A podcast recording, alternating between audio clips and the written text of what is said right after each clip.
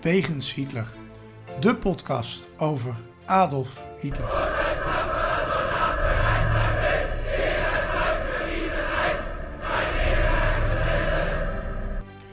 Dictator, alleenheerser van 1933 tot 1945.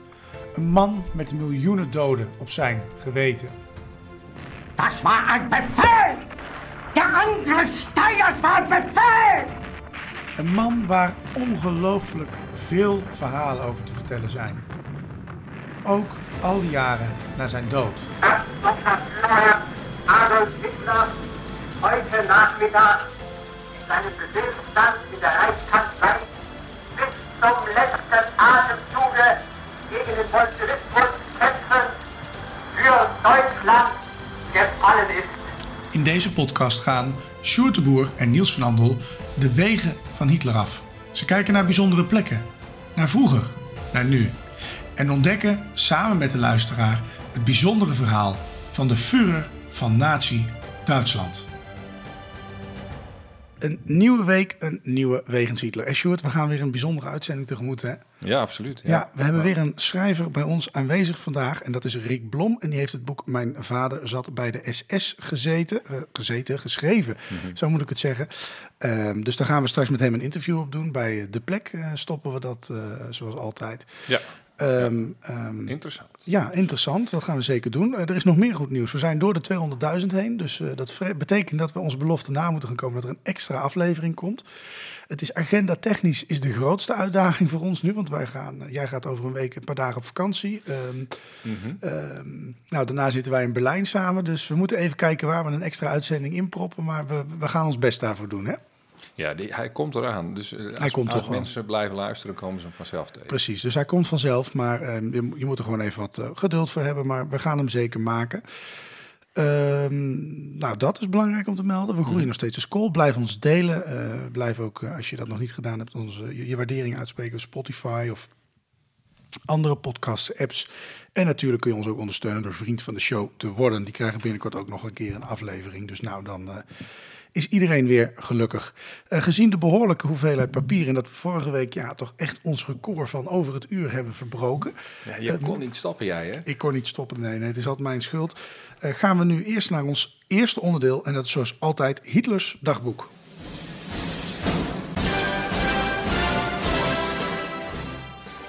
Hitlers dagboek. Het leven van Hitler duurde 20.463 dagen. Wat deed Hitler op deze dagen? Waar bevond hij zich? En vooral waarom?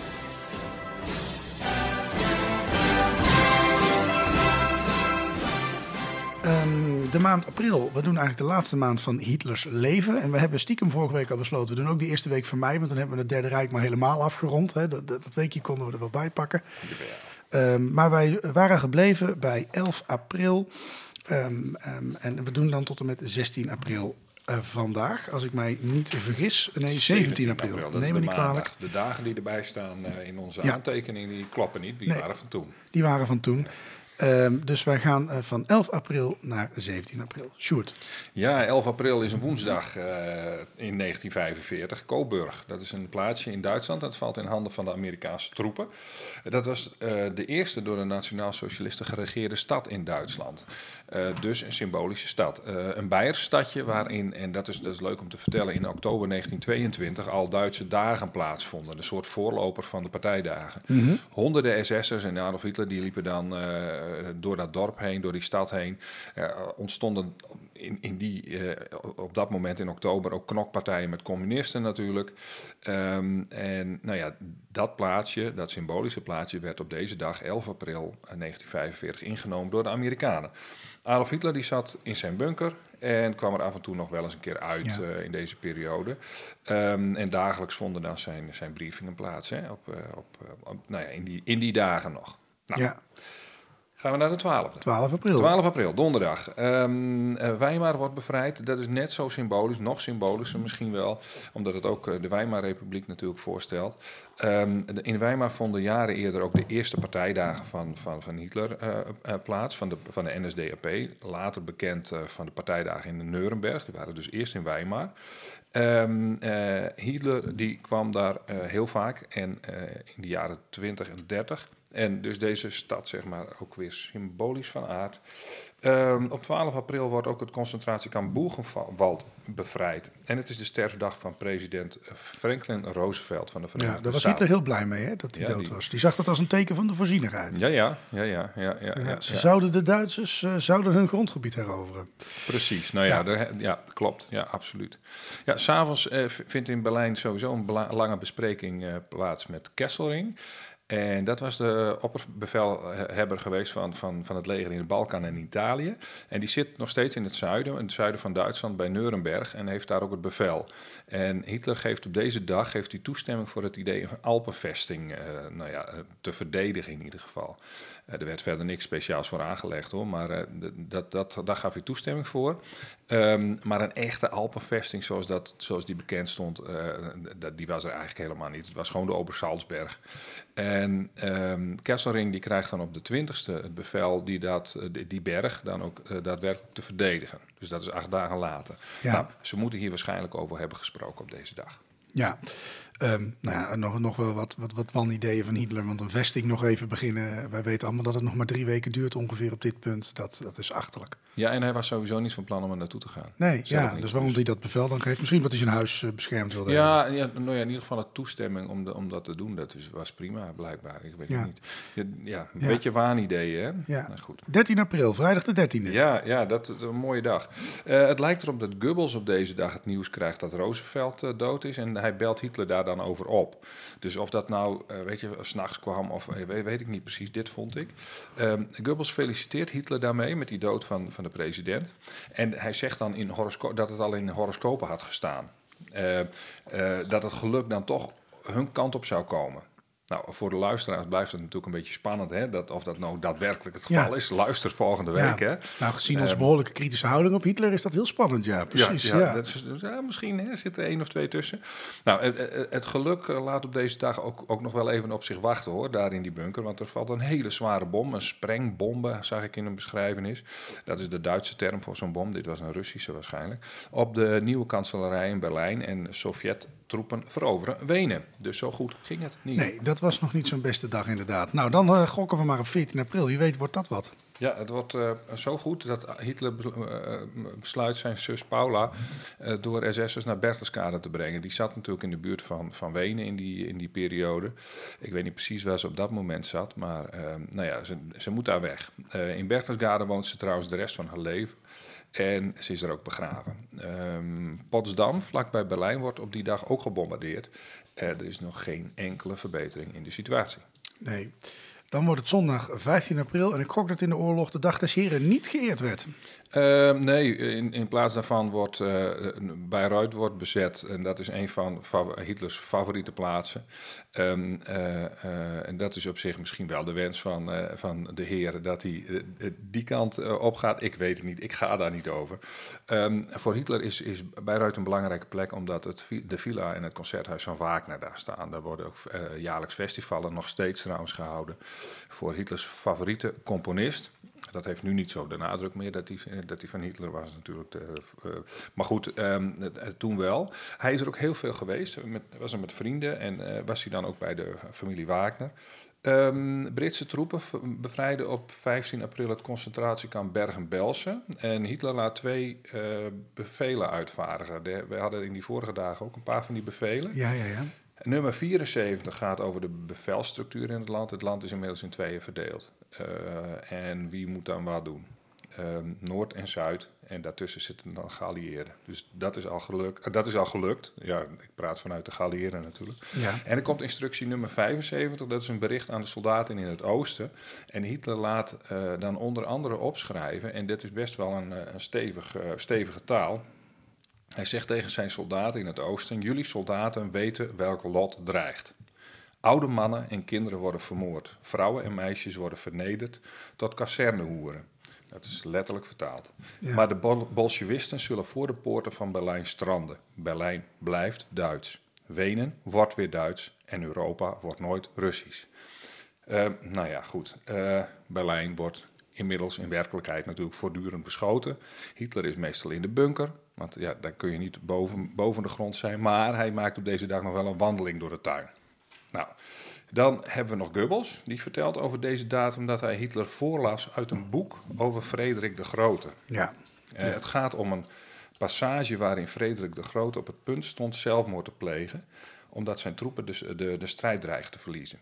Eh, maar dan spreekt de verteller in dat boek, hè, eh, die, spreekt aan Frederik de Grote toe. En dan zegt hij van je moet nog even volhouden, omdat de zon van voorspoed en geluk achter de wolken al opkomt. Op dat moment had Hitler tranen in zijn ogen, zei Goebbels. Want dat zou voor hem misschien ook wel gebeuren. Ja, precies. Maandag 16 april. Ja, tien voor vier in de ochtend eh, begint een grote aanval op Berlijn eh, door de Sovjets. Er wordt een half miljoen granaten afgeschoten op de stad. Ehm 2,5 miljoen Sovjet-soldaten die staan tegenover 800.000 eh, duizend deels slecht getrainde Du- eh, Duitse soldaten. Ja. Hitler laat zich op deze dag eh, laat, laat hij zijn arts Karl Brandt oppakken. Opmerkelijk gegeven. Omdat hij zijn gezin naar Beieren heeft gestuurd. Nou, dat past natuurlijk niet bij dat verhaal van, van, hey, eh, van, van- van die dag daarvoor. Hè? Eh, die, die boodschap aan de troepen. Eh, hij laat zijn, zijn, zijn eh, want Berlijn wordt toch niet Duits, weet je wel. Nou, hij wordt ter dood veroordeeld, maar die uitvoering daarvan vindt helemaal niet plaats. Dan eh, trekken op die dag ook de Amerikaanse troepen Nuremberg binnen. En eh, in die plaats zal Brandt dan later ook veroordeeld worden. Want de Amerikanen veroordelen hem wel. De Duitsers hebben dat, of, eh, brengen hem wel, brengen dat ook tot uitvoer. En de Duitsers hebben dat dan niet gedaan. Eh, de geallieerden doen dat. Hij had namelijk als hoofd van het zogenaamde T4-programma eh, geen schijn van kans dit te overleven. Ehm, hij heeft enorme aantallen eh, mensen met een geestelijke afwijking die zijn ver- vermoord onder zijn eh, leiding. De geallieerden hingen hem daarom in 1948 in Landsberg op. En die plaats kennen we ook van Hitler. ja, net goed. 17 april uiteindelijk de laatste dag. Ja, eh, nog steeds geen spoor van de Duitse wederopstanding. Ehm, eh, we hebben Pasen net gehad, waarschijnlijk toen in Duitsland ook, was geen sprake van. Eh, een van de laatste grote slagen in Duitsland vindt plaats in het Roergebied. Dat is de zogenaamde Roerkessel. De, ik denk dat het ketel is. En, nou ja, het- ging er warm aan toe in ieder geval. Samen met de slag om Berlijn en de slag bij, bij Halbe, 60 kilometer ten zuiden van Berlijn, zijn dat de laatste slagen zeg maar, in die periode, de grootste slagen. Op deze dag worden 325.000 Duitse soldaten krijgsgevangen genomen. Eh, Hitler is nog steeds bezig zijn leger- legers te leiden, maar verstuurt eh, steeds vaker volstrekt onuitvoerbare bevelen rond. Eh, Berlijn staat onder zware druk. Ja, en daarmee komen we aan het einde van deze week van Hitlers leven. De volgende aflevering gaan we 18 april tot en met 24 april doen. Ehm, waaronder op 20 april dus de laatste verjaardag van Adolf Hitler. Want dat is misschien wel zuur voor hem. Hij is vlak na zijn verjaardag overleden. Ehm, en het eerste deel van zijn laatste 10 levensdagen. De volgende keer dus bij Wegens Hitler. We gaan snel naar de plek. De plek. Bijzondere plekken of verhalen die te maken hebben met Hitler. Ja, de plek, Sjoerd. Voordat wij eh, echt naar de plek gaan, ehm, ehm, ik wil nog heel even terugkomen op het vorige onderdeel van deze uitzending. Wat is er aan de hand? Nou, op een gegeven moment had je het over bevel 74, dat Adolf Hitler gegeven zou hebben om Ja, eh, ja, de ja, bevelstructuur Noord-Zuid-Duitsland. Mhm. Ehm, en daar zei je, want dat land was in tweeën gesplitst. En eh, jij zegt dat, en ik zit als een gek te googlen hier, want ik dacht, eh, die- Nee, die dat ontmoeting van die Amerikanen nee. was toch pas ergens eind april? Dat is het, het bevel, zeg maar, wat er moest gebeuren op het moment dat dat zou gebeuren. Ja, Dus dat wil niet zeggen dat het op die dag ook gebeurde. Nee, ja, maar dat zei even- ik verkeerd. ik was bang voor allemaal Instagram berichten. Dus ik denk, ik corrigeer het hier nog even, anders moeten we het hele stuk opnieuw opnemen. Ja, ik moest dat van Niels moest ik dat zeggen. Ja. En, eh, Nu ik toch bezig ben met de rectificaties. We hadden nog één berichtje in onze Instagram-box. Eh, vorige week hadden we het over de Wolfschansen. En toen, zeiden we, toen heb ik gezegd dat hij in Polen lag. En dat klopt ook wel, want hij ligt nu in Polen. Maar ehm, ehm, het lag in Oost-Pruisen. Dus Oh ja, dat ja. moeten we wel even gezegd hebben. Dat was Duits grondgebied. Ze hebben niet in Polen zelf een, eh, een hoofdkwartier gebouwd voor de Führer. Zou ook een beetje raar zijn als ze het nog niet bezet hebben en zo. Allemaal. Ja, we gaan nu naar het hoofdonderwerp van deze uitzending. En dat is ehm, ja, de schrijver en historicus Rick Blom. Die heeft het boek geschreven, eh, Vader zat bij de SS. Eh, dat is een week geleden uitgekomen. Je hebt eerder ook boeken geschreven. eh, eh, de campagne in Sarajevo, eh, Pop en Art. eh 60 muzikanten over hun kunstwerk van hun leven. Maar het gaat hier, dat laatste onderwerp, dat, dat zit in ieder geval niet in onze podcast-serie. maar we gaan het hier hebben over je nieuwste boek. Ehm, eh, dan kun je denken als luisteraar, ja, het heet toch de plek? Nou, die nemen we lekker ruim dit keer. Ehm, we gaan het hebben over de oorlog en de nasleep daarvan voor de nazaten van SS'ers ehm, in Nederland. Maar ook in Duitsland en we gaan ook naar het Oostfront, want dat wordt ook genoemd. Ehm, het is dus best een grote plek, ehm, maar, maar dat maakt niet uit, want het is onze podcast. Dus wij kunnen hierin doen waar we zin in hebben, uiteraard. Precies. Ja. Ehm, we gaan eh, dus geen nauwkeurig bepaalde plek doen, maar het is denk ik wel een heel interessant verhaal. Omdat het eh, ja, gaat over mensen die niet zelf betrokken waren, maar wel de nasleep daarvan hebben ervaren. Ehm, ja, Sjoerd, jij, eh, jij mag eh, zoals altijd als beginnen? eerst Ja. van wal eh, Ja, Rick, steken. met dat verhaal van Emiel eh, aan het begin heb je volgens Ja. mij een hele interessante opening van het boek.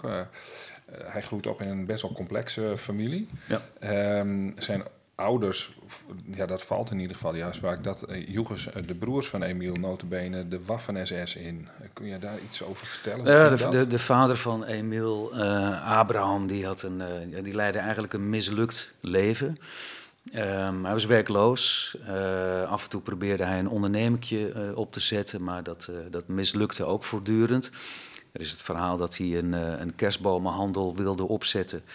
Eh, waarbij de kerstbomen die hij wilde verkopen eh, aankwamen op tweede kerstdag. Dus die waren natuurlijk onverkoopbaar. En zo mislukte van alles in zijn leven. Ehm, nou ja, uit een soort eh, frustratie, wrok, rancune, die denk ik heel veel van die vaders in het boek eh, delen, eh, sloten zich aan bij in eerste instantie de NSB. En tijdens de oorlog stuurde hij eh, zijn drie eh, oudste zoons, eh, Jan, Charles en dan ben ik de derde naam even kwijt, stuurde hij richting de Waffen-SS. Ik denk om, om zo nog enige betekenis aan zijn eigen leven te kunnen geven. Jongens waren 21, 19 en 16 eh, toen ze naar de SS, de Waffen-SS werden gestuurd. En eh, Jan kwam daar eh, in januari 1943 eh, aan het oostfront door een schot in zijn rug om het leven. Ja, ja dramatisch natuurlijk. En dat zijn dus de drie broers van Emiel die ik uiteindelijk Ja. voor dit boek heb gesproken. Ja, we gaan niet. eh, eh, we zullen een aantal andere personen ook even met jou bespreken. Maar we- sommige dingen laten we ook gewoon eh, onbesproken. Want mensen moeten natuurlijk jouw boek kopen. Ja. Eh, Bij dus de lokale ook- ook- boekhandel, hè, Sjoerd? Altijd bij de lokale boekhandel. Ja, Dat is ja, het allermooiste ja, natuurlijk. Ja. Dus ook Emiel, eh, daar valt heel veel over te zeggen. Dat is een, een, een heel interessant hoofdstuk. Ik was meteen geboeid. Ehm, eh, hij- Emiel die vlucht aan het einde van de, van de oorlog, op Dolle Dinsdag, met vader en moeder naar Duitsland. Ehm, eh, kwamen ze ooit weer terug? Eh, Ja, zeker. Ze dan? hebben, ze hebben enige tijd in Duitsland eh, ja, gezeten, geschuild voor, voor de vermeende represailles van de Nederlanders. Ze, ze waren NSB'ers, ze waren fout in de oorlog, zoals dat heet. Ehm, eh, na de oorlog, tijdens de oorlog nog, keerden zij terug naar Nederland, min of meer gedwongen, omdat de Duitsers ja, eigenlijk ook geen, geen mogelijkheid zagen om eh, eh, het, het gezin eh, en al die andere gezinnen onderdak te verlenen en eten te verschaffen en dat soort zaken. Ehm, dus ze werden op de trein gezet, de stoomtrein toen nog ehm, van Duitsland naar in dit geval Groningen, ehm, waar ze de laatste maanden van de oorlog hebben, hebben doorgebracht.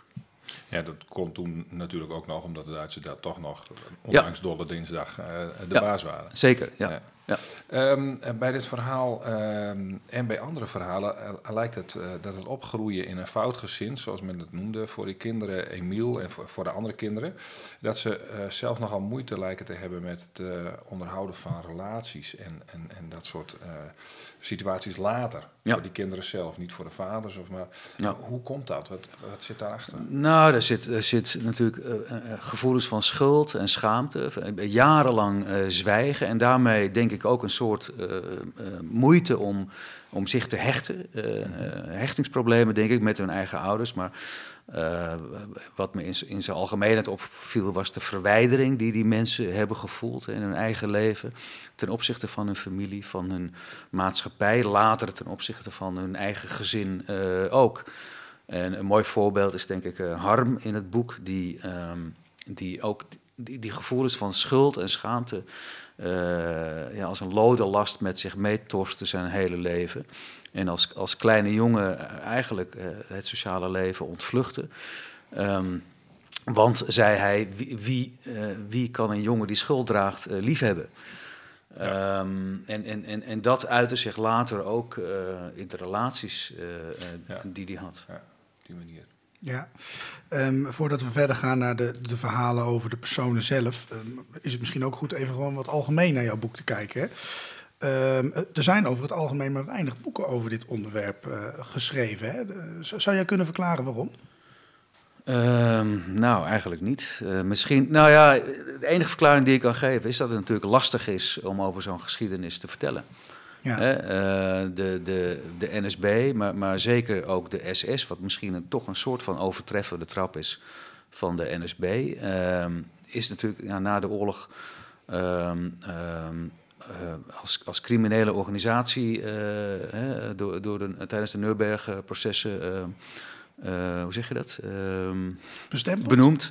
Ja? Uh, als medeverantwoordelijkheid voor de grootste misdaden van de naties, de, de Holocaust. Um, ja, als jouw vader aan dat inktzwarte verleden heeft meegedaan en, en, en dat hele systeem toch mede mogelijk heeft gemaakt, dan is dat niet iets waar je natuurlijk snel over gaat praten. Nee. Um, nu is het nu 2023. Had dit boek 70 jaar geleden gekund, in 1953 bijvoorbeeld? Uh, nee, zeker niet. Nee, nee, nee, toen was het nog veel, vele malen lastiger om erover te spreken. Maar dat was dat nu ook voor, voor veel mensen die ik gesproken heb. Um, ik heb negen mensen geïnterviewd. Uh, vijf van hen doen het anoniem, mm -hmm. omdat ze nog steeds bang zijn voor het oordeel van, van de buitenwereld. Ja, nu 70 jaar, terwijl, 80 jaar later eigenlijk. Terwijl het gaat over het verleden van hun vaders ja. en niet over hun verleden. Want deze kinderen hebben natuurlijk part nog deel aan, uh, aan dat uh, ja. SS-verleden. Maar ze dragen dat nog steeds bij zich, mm -hmm. met zich mee. Um, in het boek zelf neem jij geen stelling. Uh, maar kun je ook voor, waarom, waarom kies je daarvoor? Ja, omdat ik de verhalen voor zichzelf wil laten spreken. En um, um, het is niet mijn bedoeling om, om die hele geschiedenis, en zeker niet de levens van die kinderen, als goed of fout te bestempelen. Um, maar om, om het voor zichzelf te laten spreken. En ik denk in, ook in dit geval dat een goed verstaander aan een half woord uh, genoeg heeft. Ja, we hadden het er net al even over. Veel mensen um, um, die, die, die doen het anoniem, dat verhaal. Hè? Die kunnen er nog steeds niet over praten. Nee. Je, dat komt dus echt omdat zij, hun vader, zij zien echt hun vader als schuldige aan dat grote systeem. Moet ik dat zo zien? Zeker, ja. Ja, dat, dat en, en, en die gevoelens van schuld zijn, zijn uh, nou, de harm die ik net noemde, zijn als een fluidum, eh, zoals hij dat noemt, van hun vader op hen overgegaan. Mm -hmm. uh, uh, en dat samen met die gevoelens van schaamte, het, het überhaupt getraind zijn in het jarenlange zwijgen over die hele episode. Uh, ja, dat, dat maakt dat ze daar niet, uh, ja, niet moeilijk over kunnen praten. Ik, ik uh, sprak bijvoorbeeld Ingrid diverse keren. De eerste keer dat ik bij haar was, was een snikhete zomerdag. Iedereen zat in de tuin. Zij wilde dat niet omdat ze bang was dat haar buren haar verhaal zouden horen. Ja, ja. Dus, dus dat is nog steeds een geheim. Waar, waar zijn ze bang voor als het uit zou komen? Om ook uh, uh, veroordeeld te worden, natuurlijk. Uh, om ook gezien te worden als, als medeschuldig aan. ook weer Ingrid, even dat voorbeeld. Die heeft jarenlang gevoel, het gevoel gehad dat ze medeschuldig was aan, aan, aan de moord op 6 miljoen Joden. Maar, maar vertelt ze ook hoe dat. Hoe gaat dat dan in zo iemand? Want kijk, um, als mijn vader morgen, ja, dat is iets minder echt, maar iemand, iemand plat rijdt. Ja. Ik zat niet achter dat stuur, dus wat, wat, wat kan ik daaraan doen? Hoe, kun je een beetje verklaren hoe dat in, iemand in zijn hoofd gaat dan? Nou ja, je, je gaat natuurlijk helemaal mee in dat, in dat frame. Dat is misschien een beetje een, een, een ongelukkig gekozen woord. Uh, van uh, fout zijn. Hè? De, de, dat, is wat, wat, dat is waar het om draait in het gezin waar je uh, in leeft. Um, je, je, mag misschien niet bij vriendjes spelen, of vriendjes komen niet over de vloer bij jou. Um, rond 4 en 5 mei uh, gaat de televisie uit als het gaat over herdenkingen. Uh, je, je, je zit in dat hele frame. Dus natuurlijk denk ik dat je dat ook gaat mee ervaren op die manier. Ja. Um, Evert-Jan van Roekel, een collega-schrijver, die, die, zei een paar weken geleden bij ons in de podcast dat um, niet iedereen om um, nou, louter slechte redenen bij de SS ging. in jouw boek zit dat toch soms wel anders, behoorlijk vaak zelfs. maakt dat voor de nabestaanden uit, wat de reden was waarom ze bij de SS gingen? Uh, voor, voor de kinderen in dit geval dus? Ja en nee, zou ik willen zeggen. Ja. um, het hele gegeven dat iemand uh, dienst nam in die Waffen-SS, uh, eh, dat op zich is al iets wat, wat nou ja, aan, aan, je gaat vreten, denk ik. Um, en moet je toch licht corrigeren, denk ik. Want ik, ik denk dat in de, in, in de meeste gevallen de vaders die kozen voor de SS dat toch niet deden omdat ze, althans niet dat, zo is mij niet gebleken, omdat ze antisemitisch waren of omdat ze nou uh, fanatiek heel erg fanatiek in de leer waren. Uh, maar ik, ik, denk dat het vaker was uit om redenen van frustratie, wrok, rancune, anticommunistisch, dat soort dingen. Of opportunisme? Uiteraard natuurlijk ook. Hè? Wat, wat heb ik te winnen, wat heb ik te verliezen? dat zit er natuurlijk ook heel duidelijk in. Ja, ja. Um, de, de, de, de, de mensen die jij hebt gesproken, de nazaten dus, die, die treden nu met hun verhaal in de openbaarheid, soms zelfs anoniem. Uh, zijn ze daar nu nog zenuwachtig over of voelt het voor sommigen als een opluchting? Misschien uh, dat ze ja, eindelijk over konden praten. Beide eigenlijk, ja. ja. Nee, het is, ja je moet je, die, die, mensen hebben dus jarenlang gezwegen. Soms in eigen kring uh, hebben ze hun verhaal verteld, maar uh, weinig aan echt buitenstaanders. Ik, dus ik was vaak de eerste aan wie ze dat verhaal deden. En dat was inderdaad een enorme opluchting. Je, je, moet die mensen zien als een soort snelkookpan waarin dat verhaal jarenlang, decennia lang is gaan borrelen en pruttelen. En ik, uh, en samen deden we eigenlijk het lid van het deksel af. En dat was, uh, was bevrijdend. Maar tegelijkertijd, nu met het uitkomen van het boek en alle aandacht eromheen, is dat natuurlijk ook ontzettend spannend. Ja. Uh, en wederom toch uit angst voor het oordeel wat daarop gaat volgen. Ja. Heb je ook wel een speciale positie eigenlijk als vragensteller. Zeker, ja, ja absoluut. Het soort, ik ben ook een soort vertrouwenspersoon uh, eigenlijk. Um, en dus ik moet er ook, en dat probeer ik ook natuurlijk, heel, heel zorgvuldig mm -hmm. mee om te gaan. Ja, ja. ja. Um, Anna, ja. Um, haar vader die sluit zich aan bij het verbond. En dat vond ik interessant, want dat, ja, ik, ik, ik, kende het niet. Dat beschaam ik, beschaam ik me natuurlijk voor. Ja. Maar nou, het verbond van Dietse Nationaal so, so, Solidaristen. Je bent, hebt een eigen meteen socialisten te roepen. Maar wat was dat voor club? Het Ferdinaso. Uh, ja, dat was een, een, een club mensen die um, eigenlijk de eenheid zocht van de zeg maar, Nederlands sprekende landen of delen van landen, zoals Vlaanderen mhm. en, en Noord-Frankrijk ook. Ja. Als, als tegenwicht tegen de grotere machten om ons heen, Duitsland, Frankrijk. Uh, om zo ja, een soort uh, uh, vuist te kunnen maken, zeg maar. Ja. het was tegelijk, tegelijkertijd zeer katholiek, zeer antisemitisch ook en zeer anti-communistisch. Ja, ja, ja oké, okay, daar, zie ik wel weer links in. Maar mijn vraag was dan natuurlijk direct van hoe komt zo iemand die eigenlijk bezig is met het Nederlandse deel bij de Waffen-SS terecht? Ja, uh, Gerard in dit geval, uh, die was eerst lid van het Ferdinazo. Het Ferdinazo ging tijdens de oorlog uh, op in de, in de NSB, ehm, mm -hmm. omdat de Duitse bezetter dat, dat wilde. Um, en uiteindelijk sloot hij zich aan bij de Waffen-SS door dat anticommunisme. Um, uh, Gerard uh, was uh, devoot katholiek. Ja. hij zag in het anticommunisme de, de antichrist. En hij voelde zich als een kruisvaarder die God in de lage landen moest verdedigen. Aha. Dan, ja, je hebt meteen mijn volgende vraag al uh, beantwoord. Dat is ah. in, interessant, want ja, dat katholicisme, dat vind ik toch wel een... Uh, nou, nou hoef je natuurlijk niet uh, te verwachten van alleen katholieken... dat ze zich nou ja, aan, aan bepaalde moraal houden. Dat kun je ook van, van liberalen of van, van protestanten. Zeker. maar ja, ja, die, die katholieke familie, is dat, was die allemaal eh, schoof die allemaal een beetje die kant op. Van, van, dat zal niet elke katholiek gedaan hebben. Nee, nou in het geval van Gerard wel. Want zijn, zijn ouders eh, hadden een kruishuwelijk met... Uh, nou zeg maar, de, zijn vader was getrouwd met de zus... Nee, Van zijn broer. Het is heel lastig uit te leggen dit. Ja. In ieder geval een kruishuwelijk, ja precies. Eh, en daarvan de kinderen waren er ook weer een aantal die eh, eh, via de Waffen-SS naar het Oostfront gingen. Dus Ja, kennelijk ja. kwam dat vaker voor. Maar dat, zoals je het zegt, dat kwam natuurlijk ook voor in protestantse kringen en bij liberalen. En, eh, Ja, ja nee, goed, oké.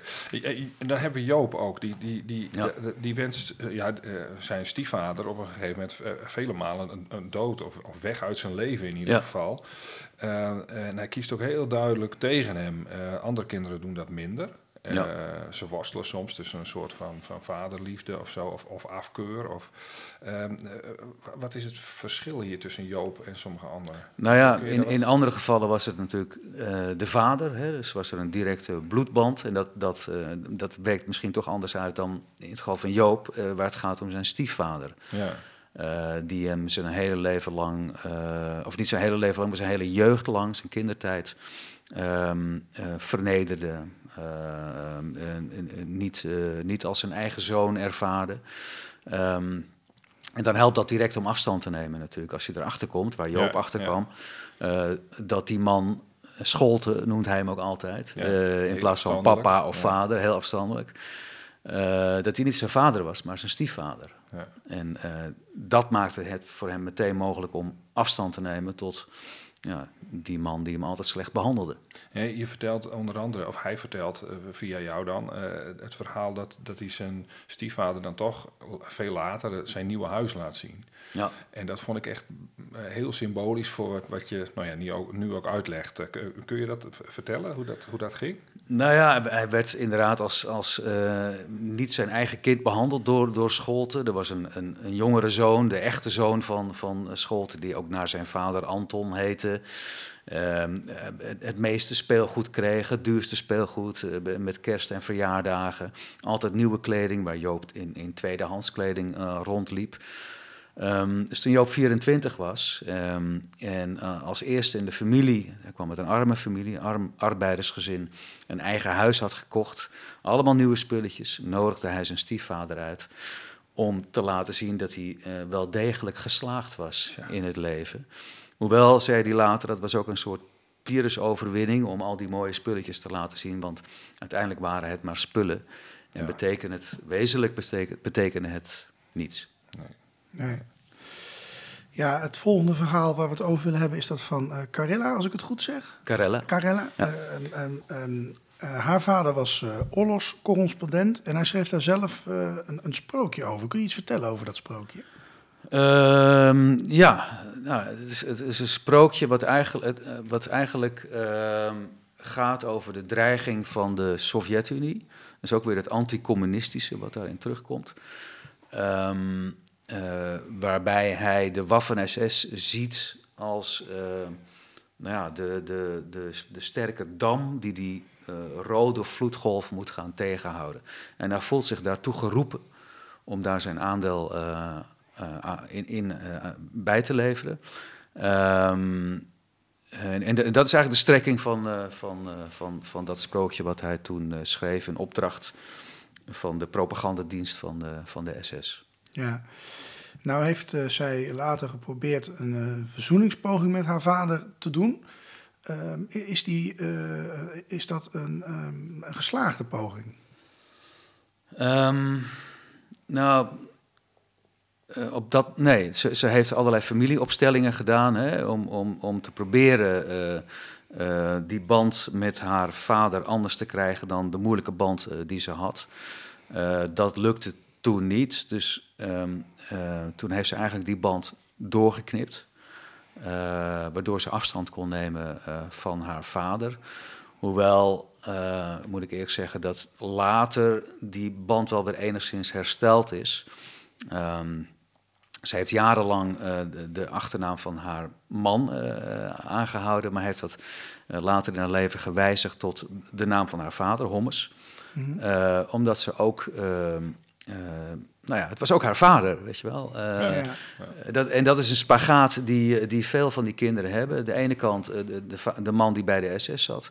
De andere kant de, de liefdevolle vader die ook een aai over je bol geeft en een schouderklopje. Eh, ja, hoe verhoud je je daartussen? Ehm, en zij heeft uiteindelijk, uiteindelijk gekozen, ik, ik, ik neem toch weer die naam Hommes aan. Ehm, eh, ja, want, want hij was ook mijn vader. Ja, en eh, dat, kan, dat, dat kon ze dan loszien op een gegeven moment. Ja. Ja, een ander verhaal is, is dat van Sophie.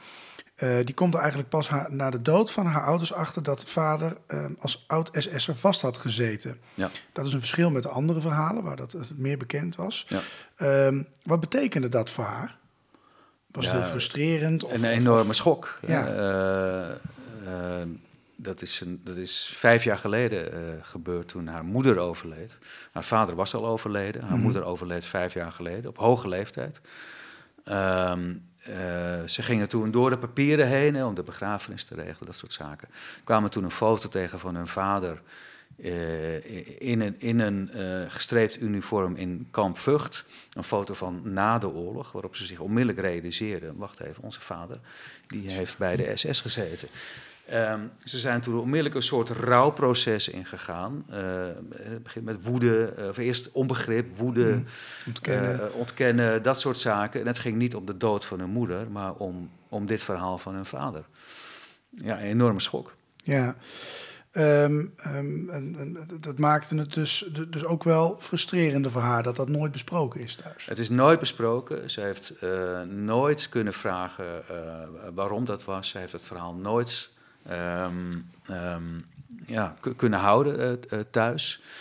En wat ze ook frustrerend vond, was dat, dat eh, haar moeder uiteindelijk de bewijzen, zeg maar, dat haar vader bij de SS had gezeten, nooit heeft weggestopt. Maar dat die uiteindelijk na de dood van, van, van die moeder Ja. dus, ehm, nou ja, voor, het grijpen lagen. Ja, En is dat niet, ze- als je het weg wil stoppen, Dat zij als kinderen daar Ja. uiteindelijk mee opgezadeld werden. Ja. Met die hele geschiedenis.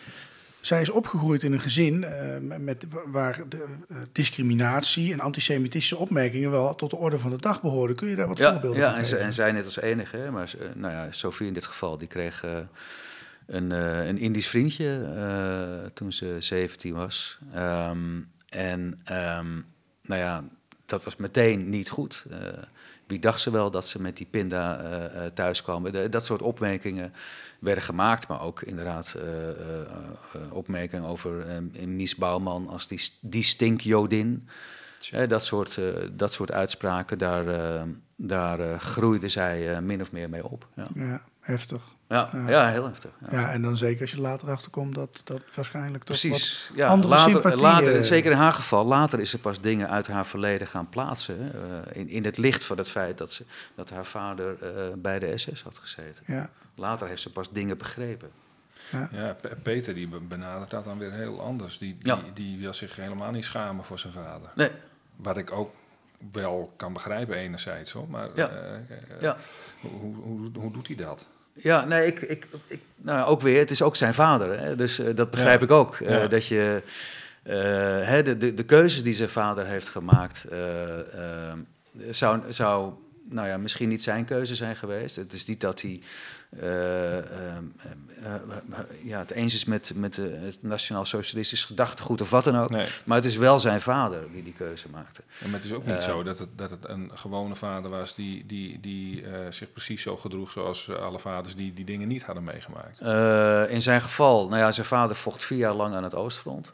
in, Ja. in, een, in, een, in een volledig Duitse divisie. eh, ehm, helemaal getekend door die oorlog natuurlijk. Eh, dat was ook het, eigenlijk het enige verhaal wat hij had met zijn zoon.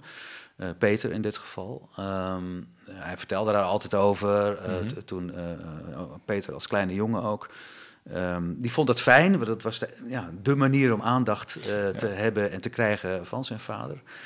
Ehm, en ja, schamen. Nee, hij, Peter verklaart de keuzes van zijn vader ook in het licht van de omstandigheden van die tijd. Wat je ook moet doen natuurlijk. Eh, dus ehm, eh, zijn vader was werkloos. Hij kon geen op- opleiding afmaken eh, door de oorlog. Ehm, zat, zat al maanden werkloos thuis. Zijn vader werkte in de haven van Amsterdam. Er kwamen Duitse matrozen over de vloer om te vertellen over hun avonturen in den vreemde. Ja. En dat vond Henk, de vader van Peter, allemaal prachtig. Die wilde ook avonturen meemaken. En die sloot zich aan Ja. bij de SS. Ingrid's vader daar, eh, eh, daarentegen, die, die was gedesillusioneerd over de oorlog. Hè? Eh, Nou, wat- voor, nee, voor de oorlog. voor de zeg ik. oorlog, nee, ja. niet daarentegen. Ik lees het verkeerd. Wat was zijn reden om bij de SS te gaan? Ehm, hij komt uit een streng gereformeerd gezin, mocht eigenlijk niks van zijn ouders, wilde graag verder leren dan de lagere school alleen, mocht dat ook niet van zijn vader. Hij moest bakker worden. Ehm, wilde dat niet. Ehm, ja, een beetje kille, weinig ambitieuze omgeving. Hij zat liever bij de ouders van een vriendje thuis. Die, waren, die ouders waren lid van de NSB. Mhm. En nou ja, hij werd zo meegezogen in, eh, in, de, in, die, in die ideologie. Werd ook lid van de NSB. eh, nou ja, boden zich nieuwe kansen aan met, Ja, eh, met de ja, oorlog. Ehm, eh, kreeg de kans om vanuit de, de NSB eh, een politieopleiding te gaan doen, dacht hij. Mhm. Eh, werd op de trein naar München gezet en bleek daar eh, in een SS-opleidingskamp eh, terecht te komen. Althans, dat verklaart hij allemaal na de oorlog. Ik weet niet Ja, in nee, hoeverre dat gekleurd is. Ja, ja. Omdat hij zijn nachtje wilde redden Ja. eh, eh, tijdens de, de verhoren die hij die, die toen had. Ehm, en en nou, ja, sloot zich uiteindelijk aan eerst bij het NSKK als chauffeur voor de Weermacht. Mhm. En later eh, in de oorlog bij de SS. Nou speelt in haar verhaal ook, ook, ook een brief. En daar staan ook Ja. eh, pittige uitspraken in. Ja. Eh, kun je iets over die brief vertellen? Niet alles natuurlijk, maar... Nou ja, dat is, dat, dat, eh, hij, hij spreekt daar eh, de, de NSB-jeugd aan in zijn eh, eh, geboortestad. ehm, die die vertelt dat ze vooral eh, de Joden in de stad moeten, moeten gaan lastigvallen. En Ja. dat is een brief. Ja, een, vriend van mij vergeleek het eh, met eh, commentaren die je nu kunt teruglezen in sommige fora op internet. Waarbij iemand met veel woede en rancune dat op zijn toetsenbord inramt zonder al te veel interpunctie en hoofdletters en dergelijke. Mhm, Zo is die mhm. brief ook. Met veel emotie geschreven. Ehm, eh, ja, en, en ja, haatzaaiend eigenlijk. Ja, ja, en die brief nou, die kun je dus verder lezen in, de, die is, eh, wat In het boek, ja, staat integraal in dat boek. Ja, Inderdaad. ja. Ja. Eh, Harm, jij, jij noemde zijn naam al. Eh, tegen zijn vader wordt de doodstraf geëist eh, uiteindelijk. Eh, eh, waarom was dat? Eh, hij was beroepsofficier in het Nederlandse leger. Ehm, en nam de- desondanks tijdens de oorlog twee keer dienst eh, bij de SS. En dat een beroepsmilitair eh, twee keer die keuze had gemaakt, dat vond het Hof destijds eh, nou, reden genoeg om iemand ter dood te veroordelen. Oké, dat was al fataal. Dus, Ja. Oké. Ja. Dat had niet te maken per se met wat hij daar had gedaan. Nee. Ehm, dat is, Overigens is die doodstraf nooit eh, uitgevoerd. Nee. Eh, uiteindelijk kwam hij nou, ook weer redelijk snel, zoals de meeste SS'ers, redelijk snel weer op vrije voeten. Ja, er staat ook een, een, een verhaal, dat viel me direct op. En, en, eh, Harm die vertelt dan als, als kind op school... ehm, eh, een keer dat zijn vader in, Ru- in Rusland heeft gevochten. En Ja. Nou ja, daar reageerde men op een bepaalde manier op. Zou je dat willen vertellen? Ja, ja, ja, ja, nou ja, in de klas eh, vertelde de meester over ehm, de strijd aan het Oostfront. En ehm, Harm, eh, met alle goede bedoelingen, stak zijn vinger op en zei: Nou ja, meester, mijn vader vocht daar ook. ja, waarop? ja, niet handig. Nee, nee. Wist hij Achteraf, hè? nee, wist hij veel. Hij was eh, elf of zo. Hè? Ehm, eh, waarop eh, diezelfde middag de meester nog naar eh, zijn ouders belde, ze met zijn moeder belde. En dat het verstandig was dat Harm dat soort uitlatingen misschien toch maar niet meer moest doen. Ja, en Dus dat die werd op dat moment opgezadeld met het grote geheim natuurlijk. Hè? Eh, Waar hij waar die geen kant mee op kon. Ehm, eh, en, en wat hem eh, ja, eigenlijk zijn hele leven parten heeft gespeeld. Ja, precies, vanaf dat moment ook. Ja, vanaf dat- dat ja, moment. ja. Ja. Tot slot willen we het hebben over eh, Jeroen. Hmm. Ehm, en hij, eh, citaat is het volgende. Er zit een natie in ons allemaal, zoals ook het goede in ons allen zit. Ja. Dat, eh, nou, Jeroen Otte zegt dat. Hij is psycholoog, dus hij zal het ook kunnen weten, denk ik dan maar. Ehm, maar je hebt hem vast niet voor niets in het laatste hoofdstuk opgenomen. Nee, nou hij is, ja, eerst, hij is niet alleen opgeleid klinisch psycholoog, maar hij is ook de kleinzoon van Henk Veldmeijer, de, de voorman, de leider de- van eh, de Nederlandse SS. Ehm, waarom als laatste? Omdat hij eh, ehm, een, eigenlijk zijn visie geeft over hoe mensen eh, de keuzes maken die ze maken, waarom ze dat doen. Ehm, en hij stelt, hij, hij benadert dat eigenlijk vanuit de werking van de hersenen, de neurologie.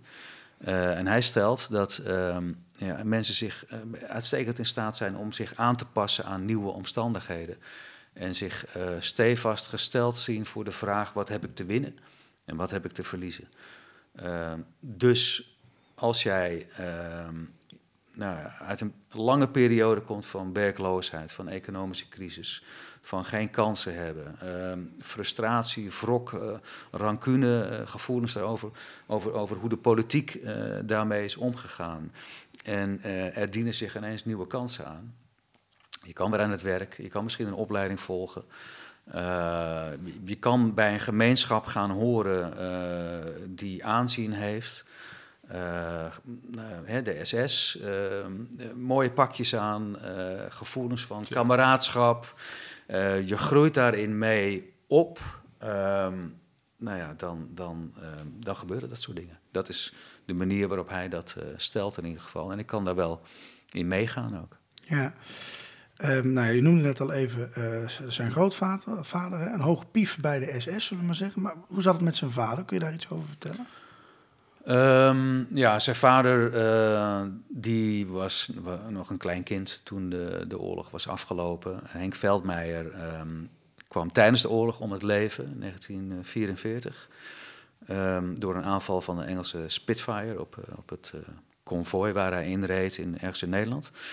Eh, zijn zoon Ekke, dus de vader van eh, Jeroen, die, die was nog maar heel klein, maar hij heeft wel eh, natuurlijk als gevolg van het feit dat zijn vader eh, die voorman was van de Nederlandse SS, maar vooral omdat hij vaak afwezig was.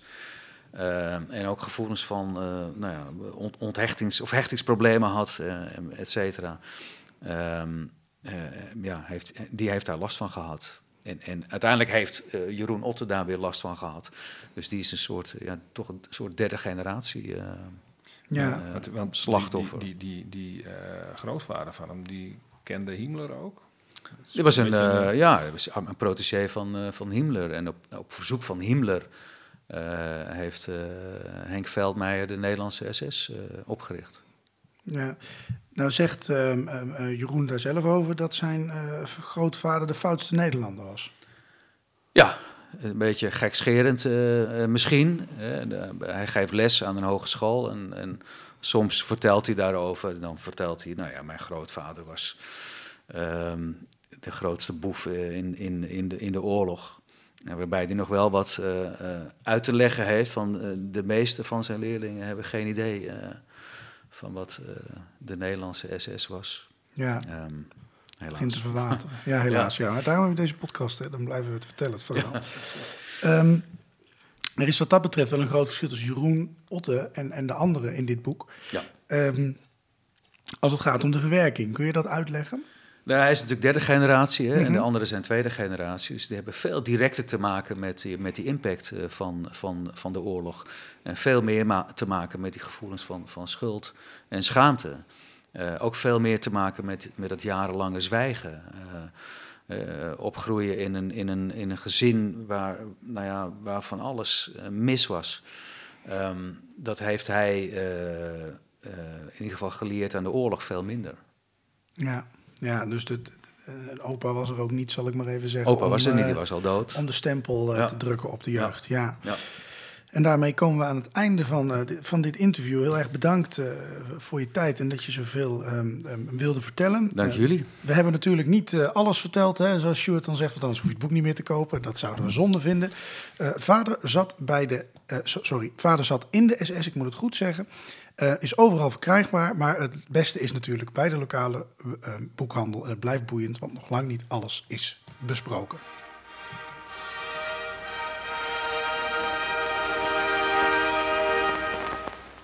Het Nazi-journaal. Bijna dagelijks is er nog wel iets te vinden over Hitler. Hij is in het nieuws, er is een stuk in de krant, een tweet, een interview of een nieuw boek. We bespreken het in het Nazi-journaal.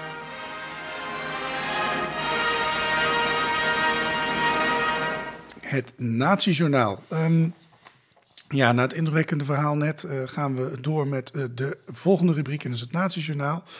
Ehm, we beginnen met ehm, een aantal zaken vanuit mijn kant en dan gaat Sjoerd het overnemen. Het is natuurlijk april, dus bevrijdingsdag komt er zo langzaam aan.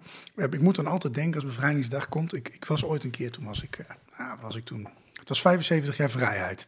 70 jaar vrijheid. Dus het is al bij, het is nou, 15 jaar geleden of zo. Ja, ja. En toen eh, was het 5 mei. En toen zaten wij in een hotel in Turkije. Wij waren met hele open oma en hele familie ja, ja. in Turkije. En dat was een hotel en zaten veel Nederlanders. En toen Mhm. s'avonds bij de animatie riepen ze dan... zijn de, Du- de Fransen, zijn de Hollanders... en op een gegeven moment zijn de Duitsers... en dat hele Nederlandse publiek... nee, die zijn gevlucht. Het is bevrijdingsdag in koor. Dus ik moet er altijd rond deze tijd van het jaar aan denken. Ja, ik vond dat zelf als kind een fantastisch leuke opmerking. Ja, die zijn er niet meer. Die zijn gevlucht. Maar goed, die waren er ook daadwerkelijk niet die avond. Dat was wel toeval, want ze waren er wel, Duitsers. Dat wisten we van de avonden daarvoor. Maar goed, eh, april dus. Dat betekent traditioneel veel documentaires over de oorlog op televisie natuurlijk. Hè, en veel boeken over de oorlog die uitkomen. We hebben er notabene net één besproken. Maar ook in het nieuws en de krant op het internet is het niet stil en neemt de aandacht geleidelijk aan over de oorlog toe. Eh, we hebben dus eh, gelukkig veel te kiezen en zelfs zoveel dat we een selectie moeten maken. We beginnen met een stripverhaal, Chess Adolf. eh Chez Adolf. Chez Je Adolf, moet, sorry. Frans is... Chez, het is Frans, neem dat ik zou je kwalijk. vergeven. Ja, ik, ik, heb, ik ben niet zo van de buitenlandse taal. Dat, zullen luisteraars wel doorhebben. Ehm, het eerste deel eh, van een serie ehm, ehm, is dat. het gaat over eh, dat op 30 januari 1933 Adolf Hitler aan de macht komt in Duitsland. En op die dag krijgt de bar eh, op de benedenverdieping van het gebouw waar leerkracht Karl Stieg woont een nieuwe naam. De bar wordt vanaf dat moment dan Chez Adolf genoemd, naar de eigenaar van de zaak. Het is ook de dag waarop Karl besluit een dagboek te gaan bijhouden. Geen van hen kan vermoeden wat er de komende jaren nog zal gebeuren. Nou, leuk. Is, het een, eh, is dit Nederlands? Voor, het, het leek erop alsof het vertaald was. Oké, nou hartstikke leuk. Dus zeker voor de luisteraars te doen.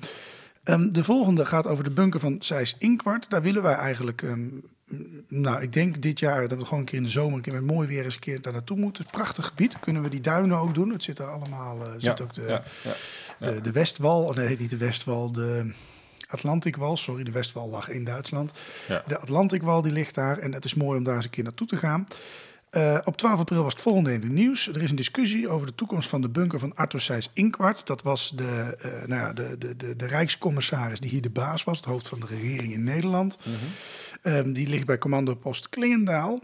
En het Rijksvastgoedbedrijf wil de bunker verkopen aan de hoogste bieder. De gemeente Wassenaar, je weet wel, die VVD-gemeente, die bemoeit zich met de bestemming van de bunker om te voorkomen dat de bestemming ongepast wordt. Ehm, nou, eh, cynisch, want de hoogste baas van Nazi-Duitsland in Nederland zat daar. Eh, ongepast eh, dan, dan Sijs Inkwart kan natuurlijk eigenlijk haast niet. Ehm, ehm, ehm, maar goed, dat, dat leek ons in ieder geval onmogelijk, laat ik het dan zo zeggen. Maar we kunnen ons voorstellen dat er een escape room komt te zitten en dat dat niet eh, gewenst is. Een vrij info- informatiecentrum over de Tweede Wereldoorlog is voor deze bunker denk ik veel beter. En ik, ik vind ook het Rijksvastgoedbedrijf eh, hier een beetje een rare rol in speelt. Eh, die bunker kost je toch een reet, dus laat die bunker lekker van het Rijksvastgoedbedrijf zijn. Ik snap niet dat ze dat willen verkopen. Jij wel? Ik heb geen idee en ik weet ook niet wat hun, eh, wat, wat hun instelling nu is, wat, wat hun beleid nu is. Of ze meer dingen kwijt willen of Ja. wat Nee, dan maar ook. ik vind het wel een beetje tekenend. Wij zijn pas bij die muur geweest. Mhm. Dat is ook eigendom van, eh, van iemand. Ik denk ook Ja. het Rijk. Ja, Eh, het het is een rijksmonument. gebeurt Eh, niks mee. Er gebeurt niets mee. Ze willen een bunker verkopen aan de hoogste bieder. Ehm, eh, wat meer historisch besef mag in Nederland denk ja, ik wel eens wat komen op dit soort punten.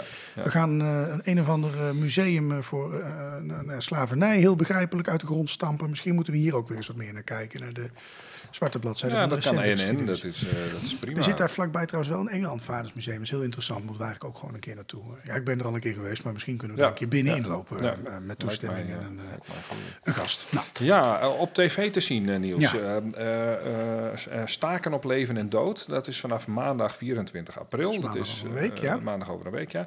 Eh, drie delen wekelijks vanaf eh, kwa- kwart over tien BNN Vara NPO 2. Eh, eh, ik lees even voor wat, wat, wat BNN Vara daar zelf over zegt. Staken op leven en do- dood reconstrueert de gebeurtenissen rond de april-mei-staking via een twintigtal verhalen. Twintigtal verhalen die zich door heel Nederland hebben afgespeeld. Het zijn ontroerende en meeslepende getuigenissen die de onwaarschijnlijke moed laten zien van honderdduizenden Nederlanders. ja. Eh, ik ben benieuwd. Ja, ehm, en, en daaraan samenhangend, daar staat ook over de februari staking een podcast op Spotify. Staakt, staakt, staakt heet die geloof ik. Ja, dat is En, ook. Ja. en eh, die heb ik geluisterd. Ik weet niet zeker of ik hem wel eens benoemd heb, maar nu we het hier toch over stakingen hebben, dacht ik, ik benoem hem nog maar Oké, even. eh, interessante postka. Ik vond het een, ja, eh, als ik het goed zeg, presenteert Rob Trip dat. En Rob Trip heeft ook, misschien heb je dat ook wel gezien toen, De Oorlog. Dat was een NTR-serie, De Oorlog, ja. dat deed hij ook. Ik, als ik aan de oorlog-documentaire denk, komt hij, dat was oh, een beetje... de- was hij diegene die de, de, de caravan van Com, of eh, de, de, de wagon van Compiègne inliep? eh, Ja. En dan deed hij zijn schoentjes uit. Ja, En toen, ging, en toen, oh, toen heb ik de redactie nog een mailtje gestuurd van die, Compiègne, die, die wagon is helemaal niet erg, eh, echt. Dus je kunt wel die schoentjes uitzetten alsof het echt is. En misschien moet het ook, maar de hele symbolische werking daarvan is ongeveer nul, want het is een eh, replica. ja. Maar goed, dat was Nou even goed, een... dat- maar Rob Trip doet dat prima. Ja, nee, maar hij deed dat heel goed. En Ja. hij doet dus ook die podcast. En ik, nou, ik, altijd als ik, dat was een beetje het eerste wat ik over de oorlog heb gezien, is die NTR-serie. dat keek ik eerder dan dat 13 in de oorlog, dat was Ja. toen ook.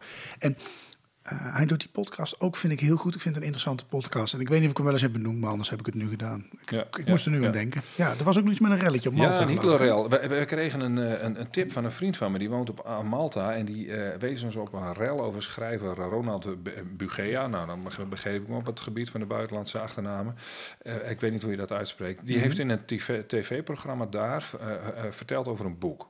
In dat boek zou hij Hitler verdedigen. De schrijver die had zich onder andere afgevraagd of er niet iets goeds was dat Hitler ooit had gedaan. Oh, dat heeft een podcast binnen recent ook gedaan, maar wij zijn nog niet gecanceld. Nee, nee wij hebben daar een aflevering over gemaakt. Hè. Dus, dus ehm, eh, zijn uitkomst was trouwens anders dan die van ons.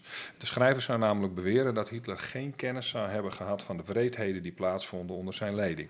Leiding. De, eh, die waren de verantwoordelijkheid van zijn ondergeschikten, vertelde hij op tv daar, die zich, eh, en daar zou de schrijver eh, dat, dat we in ieder geval wel toegeven, die zich wel enorm heb- hebben misdragen, die ondergeschikten. Maar Hitler had er geen kennis van.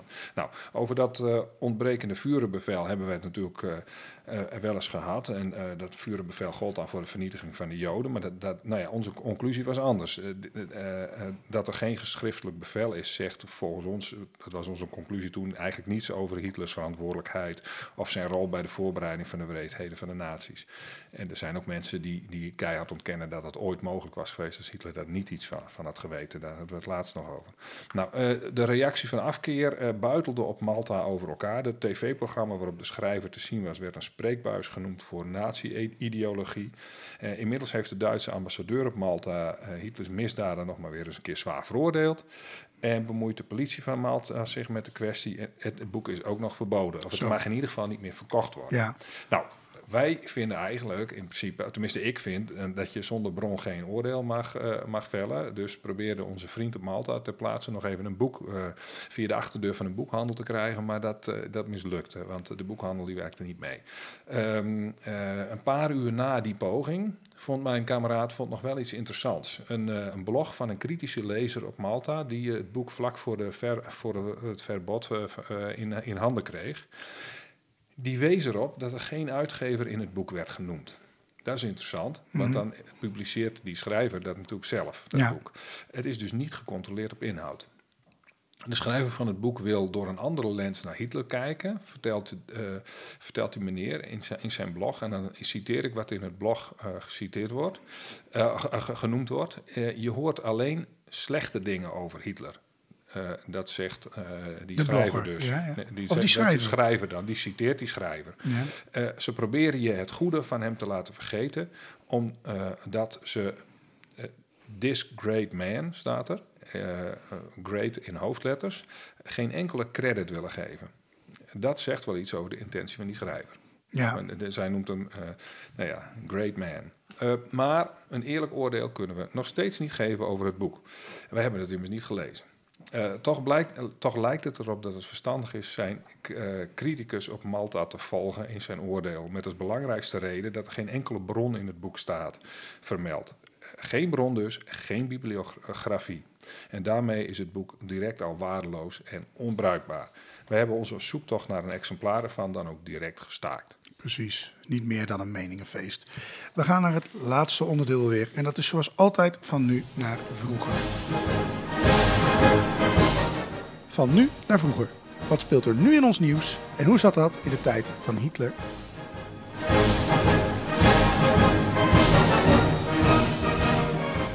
Ja, een week of twee geleden groot in het nieuws dat er stukken waren gelekt eh, vanuit de Amerikaanse Pentagon. eh, op internet gezet via een eh, chatdienst, uh, zo'n game chatdienst. Ik kom even niet op de naam, eh, maar dat doet er ook niet toe. Een soort Skype. ChatGTP? Nee, niet ChatGPT. Eh, nee, nee, nee. Het heet. ehm, nou ja, dat kom ik nu gewoon niet op op commando. Maar dat maakt helemaal niet uit. Oh, sorry. Oh, Slecht, hè? Sjoerd, de uitzending duurt te lang. Jouw humor neemt langzaam af. Maakt het niet uit.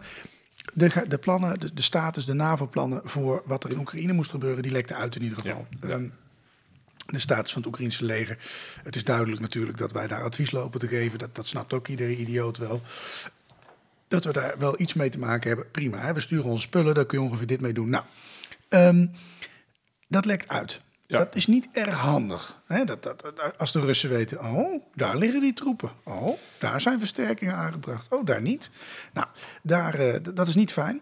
Eh, En dat deed me eigenlijk de vraag reizen van dat lekken van informatie, die spionage. ehm, ja, hoe zat dat dan in die tijd van Hitler?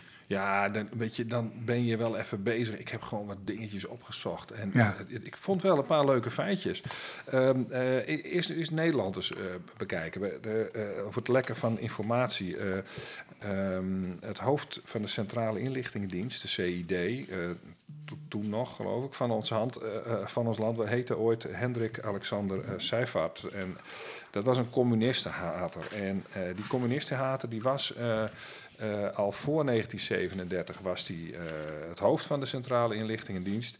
En in 1937 zelf werd hij lid van de NSB. Dat is natuurlijk een eh, interessante combinatie. Want toen de Duitsers binnenvielen in het land, toen nou, had hij natuurlijk allerlei informatie. Waaronder een lijst met 6400 eh, mensen. Ehm, eh, anarchisten, communisten, dienstweigeraars, linkse mensen, geen, geen, geen rechtse jongens, geen NSB'ers en zo. Nee, maar juist eh, eh, nou ja, linkse mensen. En die lijst die heeft hij doorgespeeld aan de Duitsers toen.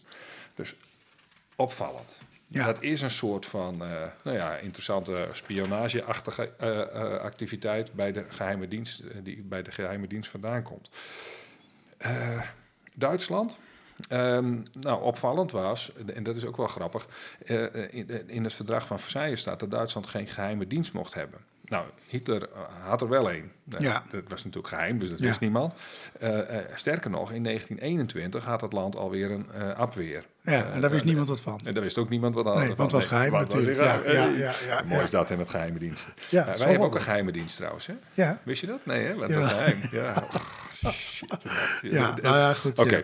Hitler die breidde die geheime dienst natuurlijk alleen maar uit. En in, in 1941 of zo, dat wordt wel een voorbeeld gegeven in artikeltjes dat ik tegenkwam, eh, zijn er 80 spionnen in Amerika opgepakt. Eh, dus er de, de, de liepen er wel wat rond daar. Eh, die ga- gaven veel technische informatie eh, over communicatie, vliegtuigen, wapens, weet ik veel wat ze maar konden vinden. Dat ging natuurlijk richting Duitsland. Eh, een interessant verhaal over de jaren 30 is overigens ehm, eh, geïnspireerd door onze Mata Hari. Onze zeg ik dan met dubbele pet op eh, als Fries en, en, en Nederlander. Zij was prostituee en spioneerde ook ehm, voor de Duitsers. De Duitsers moeten ook met het idee hebben gespeeld om in Amerika een, een, een, een eh, bordeel te openen in Washington. Want er lopen veel belangrijke mannen rond. En die zouden dan al die dames die daar in kittige pakjes rondliepen, eh, allemaal geheimen eh, meedelen. Nou, leuk om eens uit te zoeken volgens mij hoe dat precies ging. En of dat dan ook gelukt is. En of daar nog geheimen uit zijn gelekt. Ja. En nou ja, dan als laatste Amerika, want dat speelt nu geloof ik ook een rol bij deze kwestie. Eh, Amerika heeft tijdens de Koude Oorlog eh, oud-nazi's gebruikt om eh, als spion te eh, fungeren in Rusland. En dat is natuurlijk interessant, want die hadden dus schurft aan communisten. Dus die kon je prachtig gebruiken. Het vervelende was dat er ook wel eens een oorlogsmisdadiger tussen zat. En zo gaat dat, blijkbaar. Ja, dat wordt achteraf natuurlijk minder gewaardeerd. En zo komen we aan het einde van deze boeiende uitzending. Waar we het gehad hebben over het boek Vader zat bij de SS. Dat is denk ik toch wel het belangrijkste onderwerp van deze uitzending. Waarin we een hele hoop hebben geleerd over de schade die er nog steeds is. Er zit een natie in ons allemaal, zoals het goede in ons allen zit. Eén ding is duidelijk: de sporen van Hitlers verleden zijn nog steeds zichtbaar.